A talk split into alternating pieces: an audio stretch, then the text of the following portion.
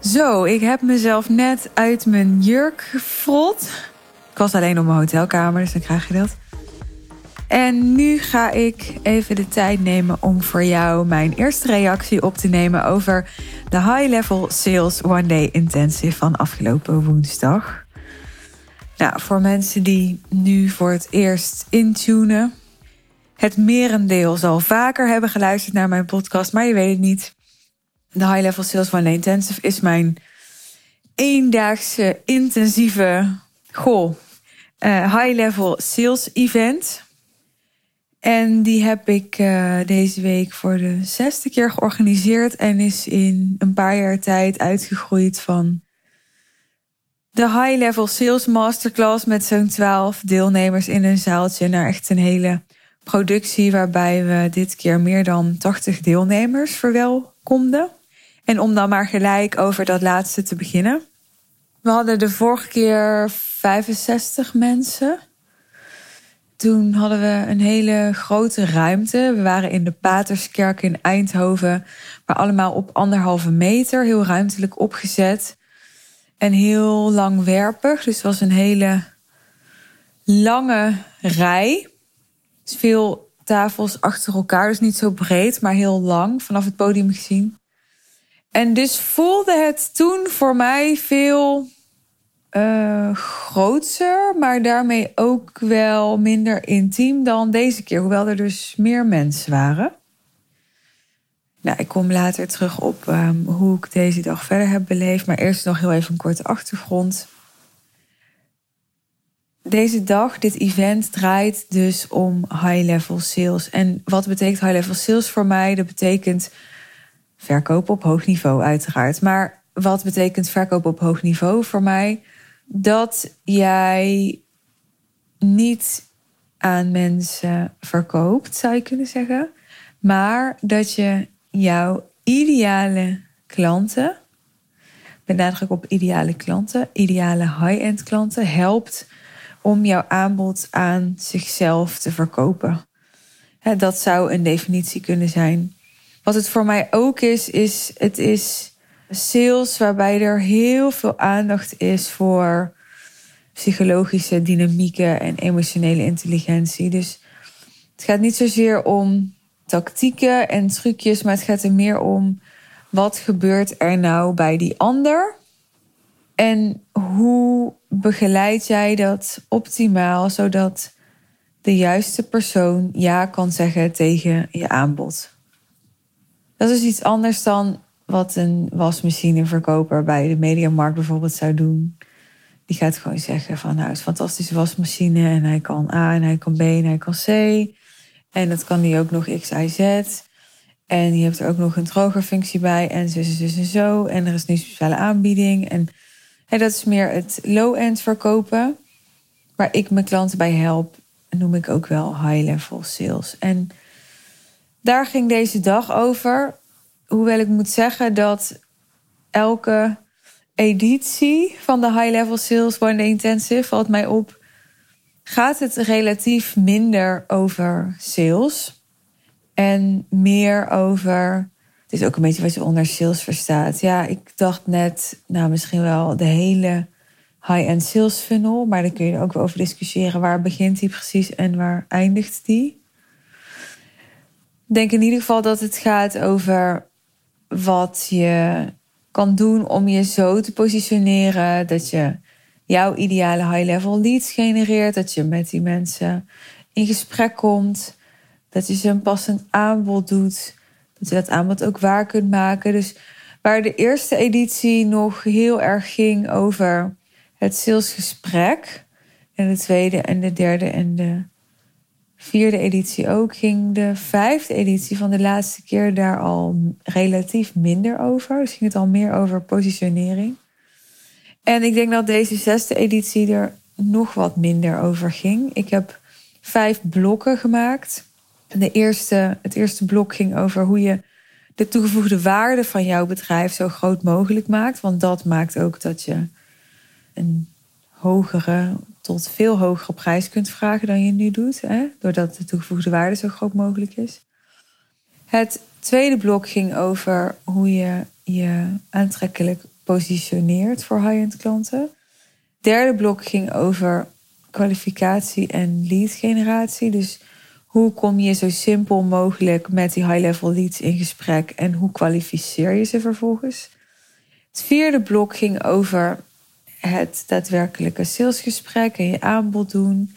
En het vijfde blok ging over, ja, ik noem het ook wel de delivery of de ervaring die mensen vervolgens met je hebben. En hoe je ervoor zorgt dat die supergoed is, waardoor je echt ambassadeurs creëert en je steeds simpeler high-level leads kunt aantrekken. Zonder dat je daar heel veel tijd in hoeft te investeren of heel veel moeite voor hoeft te doen. Dus dat was het programma, zo even uit mijn hoofd. En ik ga je nu wat vertellen over de opening. Want dat was wel een dingetje. Ik heb me eerdere keren er best wel aan geërgerd dat de opening en het slot van het event nooit zo waren vormgegeven. dus bijvoorbeeld maart vorig jaar had ik met Iris, was toen nog mijn vaste teamlid, afgesproken: oké, jij komt het podium op, jij kondigt mij aan en dan kom ik op. Nou, de vorige keer had ik al een wat spetterendere opening met een video en daarna een muzieknummer waarop ik kwam oplopen vanuit achter in de zaal.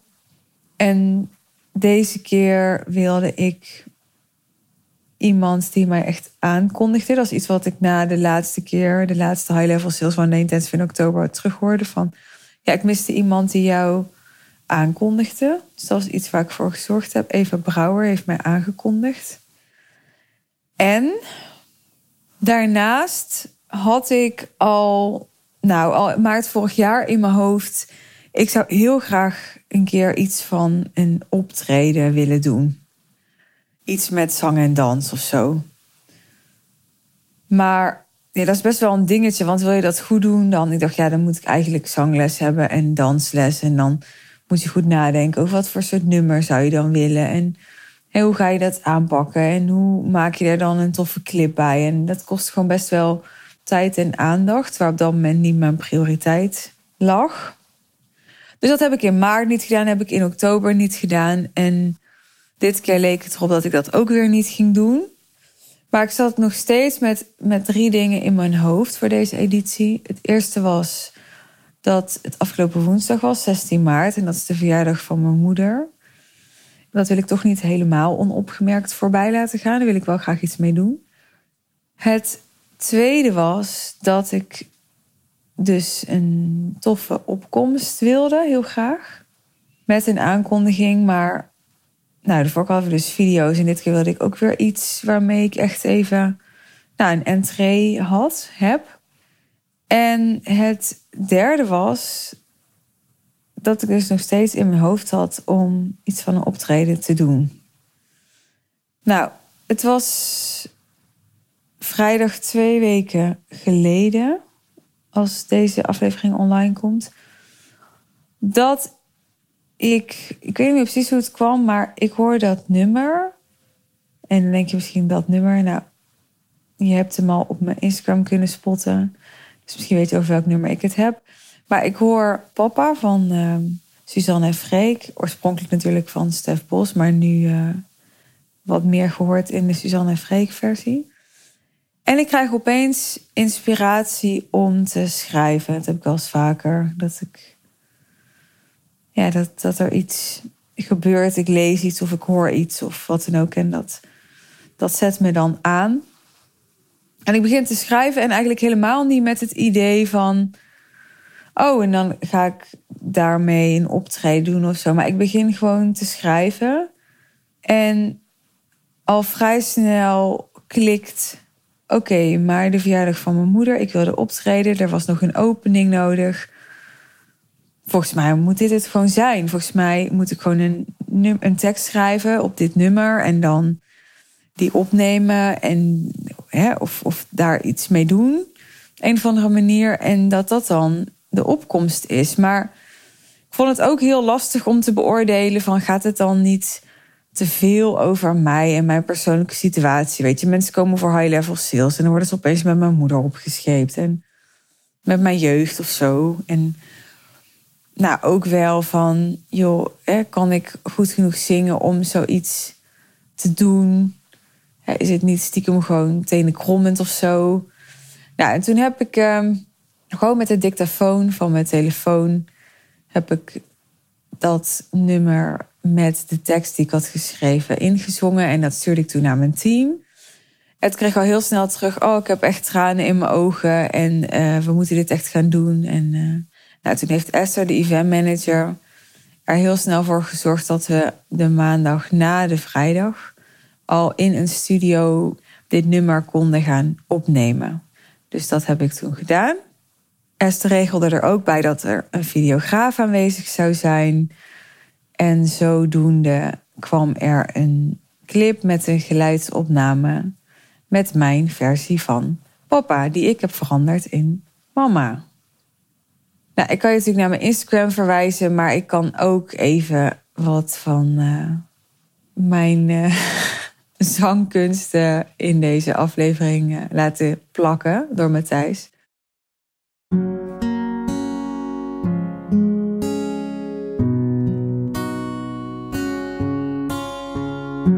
62 jaar geleden. Het was op 16 maart. Vandaag is jouw verjaardag. Het is jouw verjaardag. En dus is vandaag bijzonder. Ik ken je niet zo goed, maar één ding weet ik wel. De appel valt niet ver. Jij zit in elke cel. Mama, ik lijk steeds meer op jou. Ik heb dezelfde krachten. En met mijn klanten net zoveel plezier.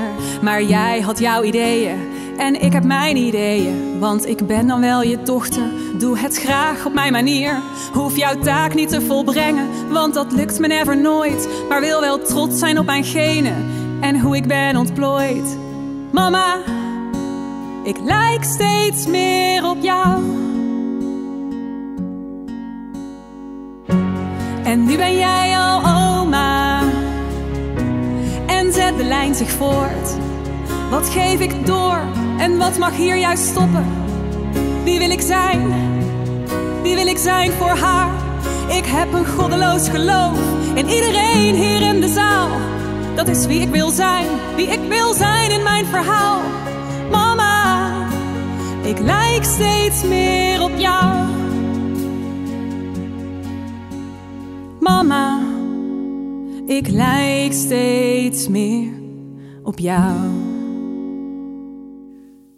We hadden die video, die werd uh, nou, binnen een paar dagen opgeleverd door de videograaf. En toen waren we dinsdag op locatie. En het plan speelde dat we s ochtends bij de opening die video gingen laten zien. En dan kon ik smiddags nog kijken, als ik me daar comfortabel genoeg bij voelde, of ik dan nog een keer dat nummer live zou doen. Dan hadden we gelijk een begin en ook weer een rond einde. Nou, daar voelde ik wel iets voor.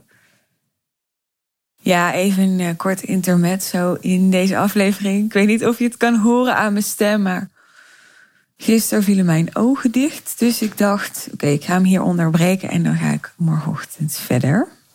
So, it's tomorrow morning en uh, ik ga verder voor je. Ik heb het laatste stukje geluisterd en die ging over dat ik het uh, programma mooi rond wilde maken met als die video van dat nummer dat ik had geschreven en dan aan het einde van de dag misschien nog live. Nou, toen was ik het aan het oefenen, de day before, op dinsdag.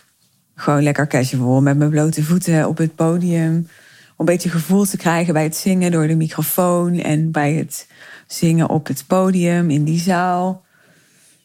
En ik weet niet meer precies hoe het ontstond, maar ja, er waren weer een aantal mensen uit het team en die zeiden: Ja, je moet het echt live doen. Volgens mij was het Jeannette die zei: Ja, joh, je had het ook live kunnen doen in plaats van dat je die video laat zien. Dus zo langzaamaan ontstond mijn gevoel van: Weet je, misschien moeten we het niet zo doen dat, dat we ochtends die video laten zien en dat ik dan het aan het eind van de dag mogelijk nog een keer live doe. Maar misschien moet het mijn opkomst zijn. Moet ik live opkomen met dat nummer? kreeg gewoon steeds meer het gevoel, volgens mij is dat veel toffer dan met een video. En is zo'n optreden, ja, heeft dat veel minder impact als mensen die video in dat nummer soort al hebben gezien. Later bedacht ik me ook nog, oh ja, maar ik heb natuurlijk aan het eind van de dag ook de hele dag gepraat. Dus dan lijkt het me eigenlijk ook helemaal niet zo fijn als ik dan nog moet zingen. En dan zit ik daar ook tegenaan te de hele dag. Dus ik kreeg steeds meer het idee, nee, ik moet gewoon s ochtends dat live gaan doen. Ik moet niks, maar wel dat, dat, dat gewoon voelde alsof dat de bedoeling was. Nou, dus dat hebben we toen nog doorgenomen met Eva, die mij aankondigde. En met de techniek en, en met de event manager. Qua doorloop, wat dat dan betekende. En uh... nou, toen ben ik het gaan doen. Dus uh, Eva die stond op het podium, die zei heel kort iets over. Nou, jullie weten misschien ook dat het uh, de verjaardag nu is van de moeder van Suus. En die uh, kondigde toen het filmpje aan dat we aanvankelijk hadden. Toen hebben we een instrumentaal, instrumentale versie van het filmpje ingezet. Op dat filmpje zag je dan beelden van mijn moeder en beelden van mij toen ik klein was en beelden van mij met Verily Joy. En ik stond achter de deuren, achter in de zaal. En ik kreeg een cue wanneer uh, die deuren open moesten en ik naar binnen mocht lopen. Nou, en toen ging ik met een microfoon in mijn hand zingen. En wat het grappige was, is dat omdat iedereen naar voren keek, naar dat filmpje. En dat zingen, die, die muziek, die tekst op dat, zeg maar, op dat filmpje uh, te zien was. Hè, dus je zag letterlijk mijn lippen bewegen op de tekst die ik ging zingen. Daardoor hadden best wel veel mensen, merkte ik en hoorde ik ook later, in eerste instantie niet door dat ik het live aan het zingen was vanuit achter in de zaal. Omdat iedereen zo naar die video keek. Maar langzaam, naarmate ik verder naar voren liep, waren er steeds meer hoofden die draaiden. En het was voor mij best wel fijn, omdat ik dus kon beginnen met zingen tegen allemaal achterhoofden. Dus ik, ik hoefde niet direct mensen aan te kijken. Dus ik kon even zo ja, een beetje erin komen. En uh, nou, tegen de tijd dat ik naar het podium was gelopen, had ik het gevoel van: oh ja, oké, nou ja. Het is natuurlijk niet perfect, maar I got this. Ik moest wel lachen om. Omdat ik echt zoveel reacties kreeg op dat zingen. En er was één klant die zei van... Nou, echt zo tof dat je het hebt gedaan. Ja, je bent natuurlijk niet de beste zangeres. en toen dacht ik echt, oh nee. ik voelde me echt zo fucking kwetsbaar in dat hele optreden. Dat ik echt gewoon de rest van de avond tegen iedereen heb gequote. Ik vond het ook heel goed. Maar er kwam wel één klant naar me toe. En die zei, jij bent natuurlijk niet de beste zangeres. zei iedereen, oh ja, ja, die ga je natuurlijk niet vergeten. Nou, anyway, toen stond ik op het podium en toen maakte ik dat nummer af. En toen keek iedereen aan en toen zag ik echt allemaal mensen met tissues en huilen. En, uh, maar ook mensen die, ja, die, bij wie je die emotie dan veel minder ziet. En dan gaat het ook door mijn hoofd hoor, just saying, van... Oh ja, die vindt het vast heel stom. Maar ik kan dat heel goed, ja, ik kan er heel goed niet zoveel aandacht aan geven. Maar ik zeg het even om duidelijk te maken dat, ja, dat ik die dingen ook allemaal denk. Mocht je denken dat dat niet zo was. Nou, en toen was ik klaar. Toen kwam Eva weer bij mij op het podium. Eva die haalde toen even mijn vader via Zoom in de zaal. Omdat mijn vader er eigenlijk bij zou zijn. Die zou er al langer bij zijn voordat ik dit nummer ging doen omdat ik dacht, ja, weet je, die ziet dit altijd via social, een beetje van de zijlijn. En ik wist niet of ik nog een editie ging doen. Het was de verjaardag van mijn moeder. Ik dacht, nou, wel leuk misschien als hij gewoon een keer mee kan kijken. Maar toen bleek hij uh, ja, twee dagen van tevoren corona te hebben. Toen ging dat niet. Ja, daar vonden we inmiddels best wel balen. Omdat we dachten, ja, het is wel... Het maakt wel meer af, die opkomst als mensen dan ook de emotie bij mijn vader zien en dan weer de interactie tussen mij en mijn vader over. En dus zo hadden we dat opgelost. We hadden dus de event manager had tegen mijn vader gezegd van ja, Suus heeft nog een verrassing. En nou, een dag van tevoren hadden we even een soort check gedaan hoe dat technisch werkte. Met mijn vader op het scherm krijgen. En uh, nou, dat ging allemaal goed. Dus Eva was er en die, zei, uh, die vroeg even aan mijn vader een eerste reactie. En nou ja, mijn vader was helemaal geëmotioneerd en trots. En, uh, nou, en vanaf dat moment ging ik echt verder met het inhoudelijke programma. Ik ben eerst begonnen met ja, vragen die, die voor mij altijd weer neerkomen op waarom ben je vandaag eigenlijk hier? Wat ik doe om mensen in contact te brengen met hun verlangen. Dat is iets wat ik heb geleerd. Dat heel belangrijk is dat, dat mensen niet direct ja, cognitief bijvoorbeeld sales skills gaan leren. Maar dat ze even voelen van, oh ja, daarom is het voor mij belangrijk om hier te zijn en dit te leren en dit hier net gaan implementeren. En dat mensen dan al heel anders zitten en luisteren. Het is belangrijk dat zij de vertaalslag maken. Oké, wat kunnen in dit geval dan die high-level sales skills voor mij faciliteren, waardoor de kwaliteit van mijn leven omhoog gaat. Want een high-level sales master worden is natuurlijk geen doel op zich. Voor mij ook niet. Het gaat erom, wat kan dat weer voor jou betekenen? Dus daar zijn we mee begonnen. En daarna hebben we nou, die verschillende blokken doorlopen. Die ik eerder al vertelde in deze aflevering. Ik heb eh, voor het eerst een outfitwissel gedaan. Dat heb je vast gezien als je hebt meegekeken via Instagram. Dus dat de eerste keer dat ik twee outfits deed. Vind ik gewoon even leuk om te vertellen. Had ook prima met één outfit gekund. Maar wat ik heel leuk vind aan twee outfits is maar een detail. Maar als je één outfit hebt, dan, dan is dat natuurlijk gewoon voor de hele dag. En dat kan ook prima. Alleen voor mij hebben die twee outfits in die zin een soort diepere laag. Omdat het letterlijk twee kanten van mij kan laten zien. Dus ik eh, zou eigenlijk beginnen met mijn, mijn party dress en mijn overknee. En dan in de lunchpauze wisselen naar een echt best wel knalgroen pak dat ik had.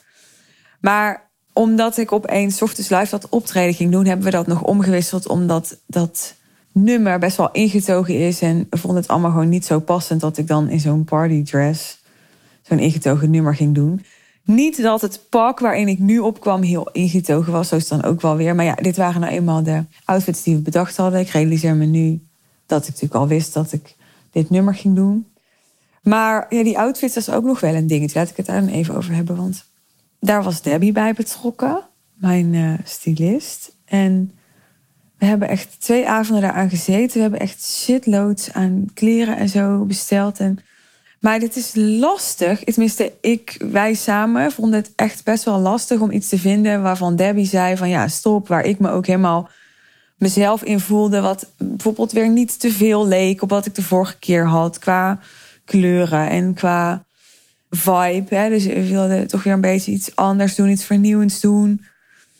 Wat niet te over de top is, maar wel echt uitgesproken. Omdat dat ook is waar ik van hou. Ik heb ook zoiets van, als ik die dag op het podium sta, dan wil ik niet iets dragen wat ik ook als deelnemer in de zaal nog aan had kunnen trekken. Maar ik wil ook weer niet in een of andere gala jurk wat helemaal niet past. Ik kwam dinsdag aan op de locatie. Daar was ik nog niet geweest. Zit ook weer een heel verhaal achter, kan ik zo nog iets over zeggen.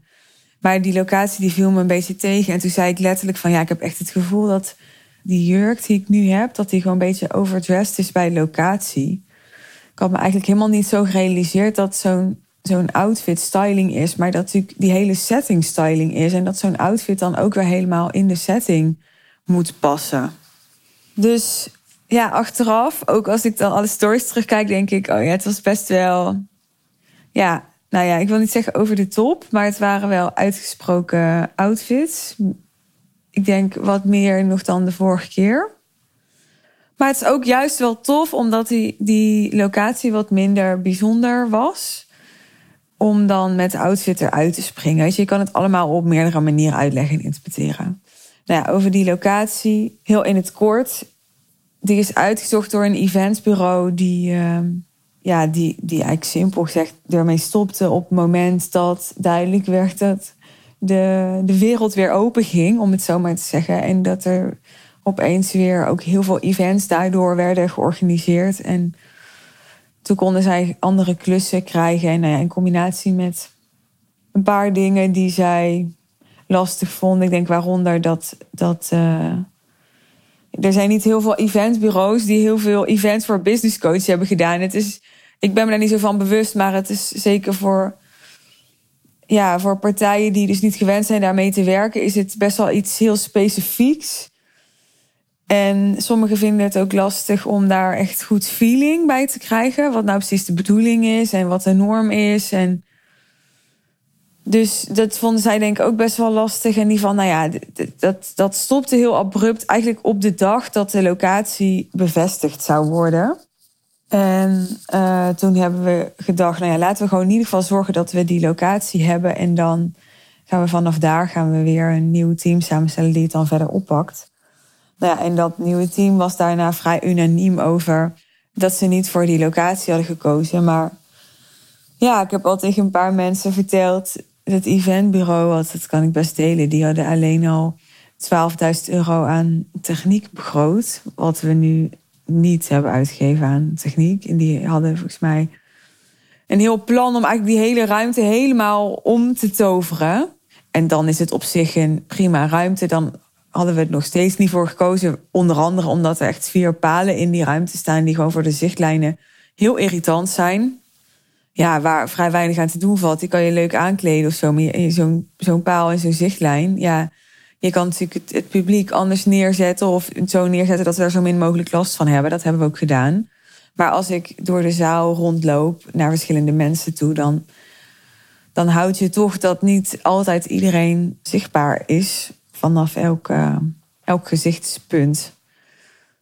Er waren ook wat dingen die, die ik gewoon als ik heel eerlijk mag zijn, ik vond dat niet um, high level genoeg voor waar ik voor sta. Weet je, ik had gewoon heel graag bediening willen hebben voor de drankjes. En dat was nu een self-service, omdat ik ook begreep dat ja, het hotel het ook niet anders kon bieden, omdat die weer met een personeelstekort zitten. En nou ja, je kan alles leuk uitleggen, maar in die end gaat het er voor mij niet om of dat ik het uit kan leggen. Het gaat er voor mij gewoon om dat het er niet is zoals ik wil dat het er is. En ja, dat, dat geeft uiteindelijk niet. Dat hoor ik ook van mensen terug. Dat mensen komen voor mij en, en ze, ze komen voor de content. En ze komen voor zo'n opkomst die ik dan heb. En ze komen voor het, het netwerken met de andere deelnemers. Het, het in een high energy zijn de hele dag.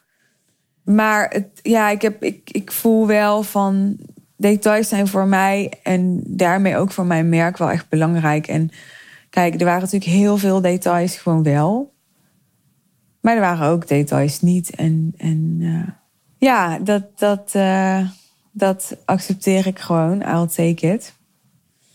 En daarmee zeg ik niet dat ik tolereer of zo dat het zo is. Maar voor nu kan ik niks anders dan het accepteren, want het is gewoon gebeurd. Dus ik ga me daar verder niet druk over lopen maken. Het heeft helemaal geen zin. En je denkt dan misschien, oh ja, daar kan je nou van leren voor de volgende keer. Maar ja, het is niet dat wij met elkaar allemaal niet wisten waar de hiaten zaten. Of zo. Dus we konden op voorhand al zeggen, oké, daar, hè, daar had het wellicht strakker gekund. En ook weer niet helemaal, want nou, bijvoorbeeld, er stond ochtends wel water op alle tafels, maar er stonden geen glazen bij. Nou, dat soort kleine dingen. Nou, er was een deelnemer die heeft een achtergrond in de in het event management. En die zei, ja, weet je, dat hotel moet er gewoon voor zorgen. Of jullie dat nou gevraagd hebben of niet. Maar als je water op tafel zet, zet je ook glazen op tafel. Ja, ja nou ja, de, de vorige keer hadden we natuurlijk een vrij imposante locatie in die kerk. Het was gewoon, je kwam binnen en je was gelijk, dat had ik in ieder geval wel. Ik was gelijk echt onder de indruk van, wauw, dit is wel echt helemaal next level. Dat, dat had deze locatie niet. Maar de andere kant is dat we nu weer allemaal veel meer in een bubbel zaten. Mensen zeiden het was veel intiemer. Wat ik ook terug hoorde is dat ze zeiden... ja, ik vond het programma strakker. ik hoorde ook van mensen die zeiden... ja, volgens mij had je nu gewoon een veel fijner team. Ik voelde me veel meer gedragen. We hadden ook een groter team. De vorige keer waren we maar met ja, drie, vier mensen of zo. En nu met acht, dacht ik. Dus echt wel een verdubbeling. En dat klinkt heel overdreven, acht. Maar die, die ben je zo kwijt. Ja, ik tel mezelf dan eventjes niet mee verder aan crew. Dus dan waren het er zeven, denk ik. Nou, eh, Eva was er een van. Die, die deed ik de presentatie. Dat tel ik dan ook niet mee met crew. Dus we zitten op zes. Nou, dan heb je een event manager die gewoon de dag regelt.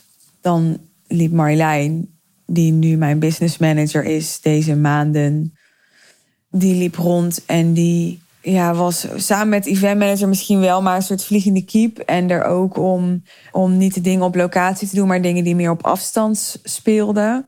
Dus bijvoorbeeld de laatste hand leggen aan uh, de sales page waar ik zo uh, op terugkom. Roos, die, ja, ik moet eerlijk zeggen dat ik, ik ben nog niet zo mee bezig geweest, dat ik niet precies weet wat hij allemaal heeft gedaan, maar die heeft onder andere bij de ontvangstbalie gestaan, alle deelnemers ontvangen, met de microfoon rondgelopen. Dus met de microfoon naar deelnemers toegegaan als ze een vraag stelden gedurende de, gedurende de dag. Ongetwijfeld ook ondertussen gewoon de mail bijgehouden. Jeannette, die uh, heeft denk ik wel tussendoor wat, uh, wat content gemaakt, wat foto's en wat filmpjes gemaakt.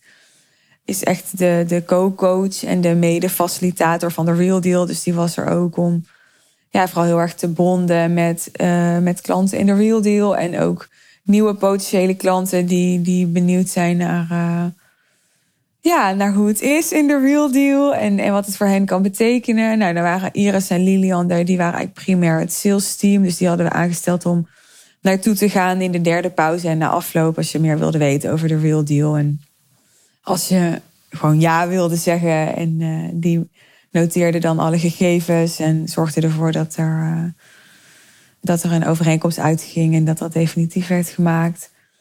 En vergeet ik dan iemand? Nee, volgens mij hebben we ze dan al allemaal.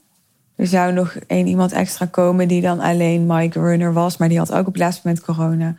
Dus ja, je zit heel snel aan zo'n team. Ik had echt geen moment het gevoel van, oh wel, overdreven dit aantal of zo. Nee, er had echt makkelijk nog eh, twee mensen bijgekund ja, wat ik verder ook hoorde is dat, dat los van het programma en dat ik, me, dat ik dus meer gedragen werd door het team, dat mensen ook aan mij zagen dat ik daardoor relaxter was, meer present was, minder bezig met randzaken, maar echt ja, heel anders erbij stond dan in oktober. En wat vind ik daar zelf van, heb ik me afgevraagd. Nou, aan de ene kant had ik niet het gevoel dat ik in oktober niet present was of zo. En aan de andere kant was ik wel deze keer echt relaxed. En ik was ook met het zingen eigenlijk veel relaxer dan ik zelf had verwacht. Maar zodra ik die deur doorging, dacht ik gewoon, ja, weet je, fuck it. Het is toch één en al procesdoel dat ik dit doe. En het maakt eigenlijk niet meer uit hoe die uitvoering is. En ja, ik ben het nu toch al aan het doen. En het is nu toch wat het is. En ik kon daar heel erg in hangen en in berusten. Ja, en uh, de vorige keer toen ontstond eigenlijk heel spontane afloop dat we met een groep mensen uit de Real Deal. En ja, ook wat mensen die niet in de Real Deal zaten, maar die wel op het event waren, bleven hangen en wat gingen eten. Nu hadden we dat ook echt een beetje geïnitieerd. Dus we hadden gezegd, nou, als je op eigen gelegenheid met ons mee wil blijven eten in de voethallen, die zijn daarnaast, dan meld je even en dan komen we centraal bij elkaar en dan gaan we dat doen. Uh, maar dat, er waren eigenlijk. Uh, ik sprak toen heel veel mensen en die hadden gewoon zoiets van, nou, ik vond het super fijn, maar ik, ben, ik heb ook nu heel veel prikkels gehad en ik wil het gewoon even processen. En uh, ik denk dat we uiteindelijk met een groepje van, nou, ik denk nog geen twintig, vijftien of zo misschien, zijn gaan eten nog. Toen hoorde ik het ook weer bij het eten. Mensen zeiden, ja, de vorige keer was je gewoon echt tot tien uur s'avonds helemaal aan en met iedereen aan het praten en hè, nou wie moet ik nog toe en zo. En nu was het gewoon, nou, om, ja, ik denk dat we half zeven gingen eten of zo. Toen, toen ik zei ook tegen Iris van, oké, voordat we nu gaan eten, moet ik heel even gewoon vijf minuten zitten en centreren, want ik ben zo ik ben extern gefocust geweest de hele dag, maar ook al de dag daarvoor. Dat ik voelde van, oké, ik moet nu heel even weer mijn eigen ademhaling voelen en met mezelf zijn. En, en inderdaad, daarna was ik ook ook even uit de rol van... oké, ik ben, ik ben Suus de showpony die hier dit event draagt. Toen, toen uh, zat ik ook niet eens zo heel erg meer in mijn ondernemersrol. Toen zat ik daar weer gewoon als Suus die... natuurlijk heb ik wel nog aan mensen gevraagd van... heb je een waardevolle dag gehad en hoe was het? En, natuurlijk doe ik dat wel vanuit mijn rol. Maar nee, toen voelde ik me wel ook weer echt uh, one of them. Niet dat ik me anders uh, superieur voel of zo, daar gaat het niet om. Maar ik denk dat je wel weet wat ik bedoel. misschien wil je ook nog weten wat mijn belangrijkste gevoel was na afloop. Die vraag kreeg ik best wel vaak van... Hè, ehm, hoe voel je je nu? Of hoe heb jij het ervaren? En wat bij mij vooral overheerst... ik ben niet een heel trots persoon... maar ik, ik heb wel vaak gedacht op dinsdag al van... oké, de, de kleine Suus... Hè, dus de Suus die ze spreken acht jaar is of zo... die zou echt wel trots zijn als ze zou zien dat ik dit nu zou doen. Ik denk ook wel eens, oh wat was het chill geweest als, als, als ik toen vooruit had kunnen kijken. Had ik me over een heleboel dingen ook veel minder druk gemaakt natuurlijk. Maar zo werkt het niet, want juist het feit... Ja, dat ik niet wist dat ik hier nu zo zou staan en dit nu zo zou doen... heeft me natuurlijk ook de eagerness gegeven om hier nu op dit punt te komen. Dus dat, dus de soort van trots vanuit mijn jongere zelf, maar ook onthechting is ook wel, ja, dat hoor je me vaker zeggen. Maar ik, ik voelde me echt meer onthecht dan ik me ooit, denk ik, heb gevoeld. Ook in sales achteraf. Ik heb echt mensen gesproken waarvan ik dacht: oh ja, ja, ik. Uh, om het even in salestemen te zeggen, voor mijn gevoel kan ik je nu zo inkoppen. Of hè, kan ik nu gewoon een een call inplannen of kan ik. Maar ik was heel erg van.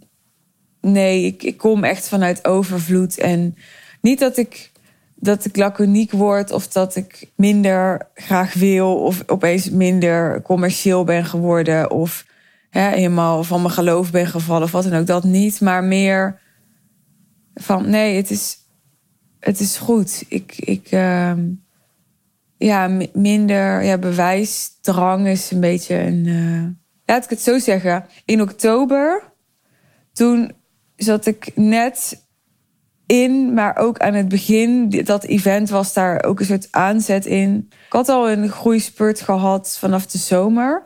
Maar vanaf oktober ging dat nog wat harder. En ik zat daar heel erg in. Ik voelde toen heel erg van: oké, ik zit nu op een golf en ik ik moet die golf zeg maar pakken, want dit is, ik heb nu echt momentum. Dat voelde ik heel erg. En nu zit ik in een andere fase. Dus ik, ik, ik, uh, het is niet dat ik nu geen momentum meer heb, maar ik voelde nu veel meer van: oké, ik heb met die golf toen me weer op een soort nieuw level established. En op dat level hoef ik even niet weer van me, me te bewijzen of me punten maken of zo. Of, uh, en, en dat heb ik denk ik wel ook uitgestraald. Dat hoorde ik wel terug. Daar zat een soort relaxedheid in. Waar ik heel blij mee ben, omdat ik daardoor denk ik ook alles veel bewuster heb kunnen meemaken en ervaren de hele dag. En ik hoorde ook van een aantal mensen terug dat ze me op de coachingsmomenten, dat ik even één op één naar iemand toe ging nadat ik plenair een vraag had gesteld en dan even on the spot ging coachen, dat ze me heel scherp vonden. En ik voelde zelf ook dat ik dat, ik, dat het heel goed lukte om echt af te stemmen op die persoon. Op dat moment heel present te zijn. En dan ben ik natuurlijk ook op mijn scherpst. dus als ik daarnaast ook nog bezig ben met... oh, en uh, die buurvrouw die kijkt een beetje ongeconcentreerd. Misschien is die afgehaakt. En oh, hè, mijn daar achter in de hoek. Ik weet niet wat zij nou aan het doen is. Of, dat gaat natuurlijk allemaal in een fractie van een seconde. Maar als dat ook allemaal om je hoofd zoomt...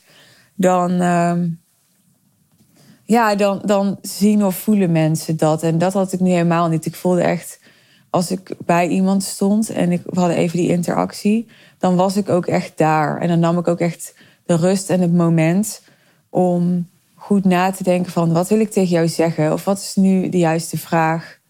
En ook, hè, dat is ook elke keer weer de afweging van oké, ga ik het nu met deze vraag of met deze opmerking afronden?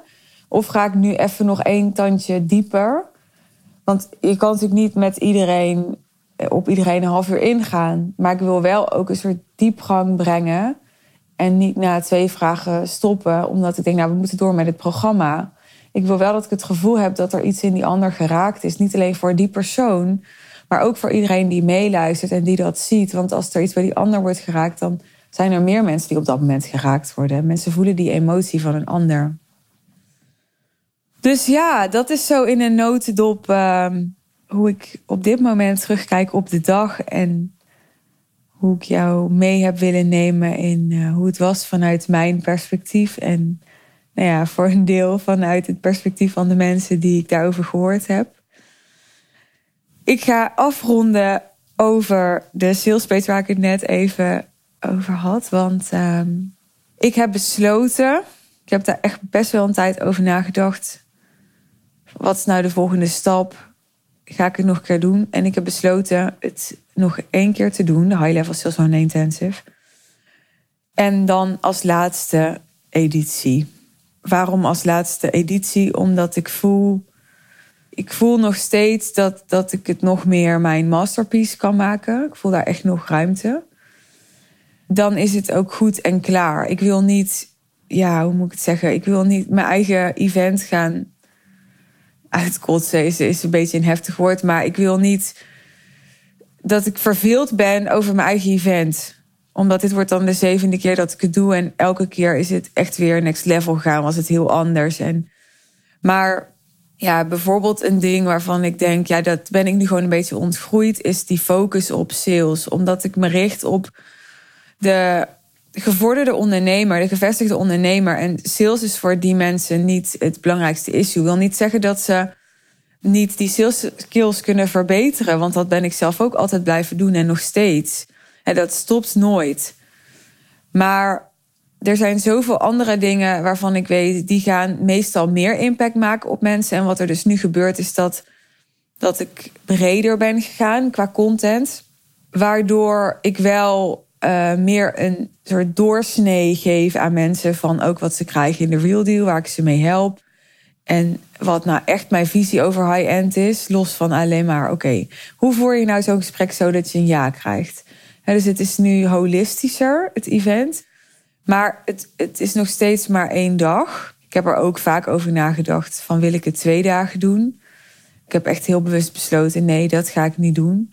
Ik doe uh, twee besloten events en dus dit jaar dan ook weer twee high-level sales one intensive events per jaar. En dat is echt voor mij, dat is echt genoeg. Het is heel bepalend al voor mijn week, zo'n event. En ik weet van, oké, ik kan inderdaad nog veel meer doen in twee dagen. Dan kunnen we ook veel meer sales doen. Er zijn al veel meer salesmomenten. Dus we kunnen ook testimonials beter spreiden. En we kunnen meer ruimte geven aan dat mensen zelf oefeningen doen. En dus ik zie echt heel erg de meerwaarde ervan. Maar ik voel gewoon als mens en wat, wat past bij mij en bij mijn leven, dat, dat dat niet voor mij the way to go is. Ik wil het niet zoeken in meer en langer en uh, dat is het niet. Maar ik was bij dat ik voel dat dat onderwerp gewoon niet meer het onderwerp is wat het meest impact heeft op de klant die ik wil bedienen. Dus de klant die zo simpel en winstgevend mogelijk op korte termijn naar een miljoen gaat. Voor die mensen gaat het veel meer over je nog meer high-end positioneren, zodat je een nog hoger niveau lead krijgt en dus veel verder omhoog kan in prijs. En doordat je verder omhoog kan in prijs, kan je ook veel meer versimpelen. Maar los van dat omhoog gaan in prijs het in staat stelt om je business te versimpelen, zijn ook een heleboel andere dingen die je kunnen helpen om je business te versimpelen, waardoor je veel effectiever wordt en veel minder druk hoeft te zijn. Ja, dat zijn hele aantrekkelijke thema's voor mijn ideale klant. Ik denk wel dat ik iets van events blijf doen, misschien op een andere manier. Dat, dat, daar ben ik oprecht nog helemaal niet over uit. Maar ik krijg wel heel veel energie van het feit dat ik een, dat ik een event doe, dat het er is. Maar ik voel gewoon, dan gaat het geen high-level sales one day intensive meer zijn. Dan uh, ja, ga ik een, iets, iets anders bedenken. Maar ik wilde wel het heel graag nog één keer doen. Dat voelde ook heel kloppend. Maar ik dacht, ja, oké. 13 oktober 2022, de laatste keer. Nou ja, en dan kan ik ook met heel mijn hart zeggen, dan moet je gewoon zorgen dat je erbij bent. Ik heb zoveel mensen gesproken die hè, naar aanloop van deze 16 maart van uh, nee, ja, ik kom graag de volgende keer weer. Of ja, hè, nu kan ik niet uh, mensen die, die gingen bevallen, die op vakantie waren, die whatever. Maar ik wil graag een volgende keer komen. Nou ja, die volgende keer is dus nu, dat je het even weet. Kan ook zijn dat je er gewoon deze 16 maart bij was. Ook dan ben je echt van harte welkom. Er waren dit keer ook best wel wat mensen die voor de tweede of de derde keer er waren. Dat kan ook gewoon. Je staat zelf weer op een andere plek in je business. Je gaat andere dingen horen. Elk programma is anders. Elke sfeer is anders. De deelnemers zijn steeds anders. Ik ben anders. Mijn outfits zijn anders. Dus het is echt, je gaat je echt niet vervelen als je voor een tweede of een derde keer komt. Ik spreek echt namens de mensen die ik, uh, ja, die ik daarover gehoord heb. Dus voel je heel welkom uitgenodigd. En weet ook dat er tot en met aanstaande zondag 20 maart een extra early bird aanbod geldt. Deze prijs komt niet meer terug naar zondag. Dus dit is echt voor de mensen die nu beslissen van... ja, oké, ik uh, I'm in. De reguliere prijs van het event gaat zijn 1497 euro. Nu deze extra early bird prijs is het 997 euro. Na zondag gaat de prijs eerst nog omhoog naar 12,97. Wil ik gewoon transparant over zijn. En ergens in de zomer gaat die prijs verder omhoog naar 14,97. Maar deze prijs van 997 euro, dat is het extra early bird tarief, die komt dus niet meer terug. Mocht je vragen hebben of twijfelen over, ja, is dit nu voor mij? Of even ja, willen connecten met mij voordat je je ticket koopt. Je kunt ons mailen met je vragen. Dat kan via info.suzannevanschaik.nl. Maar ik weet ook dat veel mensen fijn vinden om mij persoonlijk te bereiken. En ehm, dat mag. Hè, dat zeg ik altijd in mijn afleveringen. Feel free to DM. Je vindt mijn Insta, voor het geval je even kwijt was, via de show notes. Dus ehm, ga daar naartoe en stuur me dan een DM op Insta als je even of mij een vraag wil stellen of me gewoon wil laten weten. Ja, tuurlijk, Suus, ben ik erbij, 13 oktober. Dan eh, kan ik alvast de voorpret met je meebeleven. Dit was de aflevering voor deze vrijdag of later als je hem later luistert. Ik, uh, ik hoop dat je het leuk vond dat ik je zo'n kijkje behind the scenes heb gegeven. En uh, ik waardeer het enorm dat je tot hier geluisterd hebt. En voor al je andere aandacht en interesse in, uh, ja, in eerdere content die ik heb gemaakt. Dank je wel dat je er bent, echt uit mijn hart. Want ook jij maakt het mede mogelijk dat ik dit event afgelopen vrijdag heb kunnen doen. Of het nou wel of niet was. Weet je, het feit dat je me volgt maakt dat ik inmiddels op 11.000 Instagram-volgers zit bijvoorbeeld. Wat echt weer bijdraagt aan hoe groot mijn netwerk is, hoe zichtbaar ik ben, mijn autoriteitspositie. Het feit dat je mijn podcast luistert en daar wellicht met anderen over praat en die podcast tipt aan andere mensen, dat draagt allemaal bij aan het merk dat ik bouw en de impact die ik kan maken. Dus ik ben daar echt oprecht heel dankbaar voor. Laatste call to action. Ga naar de show notes voor de sales page over de High Level Sales One Day Intensive op 13 oktober 2022 en claim je extra early bird ticket. Ik zie je heel graag dan.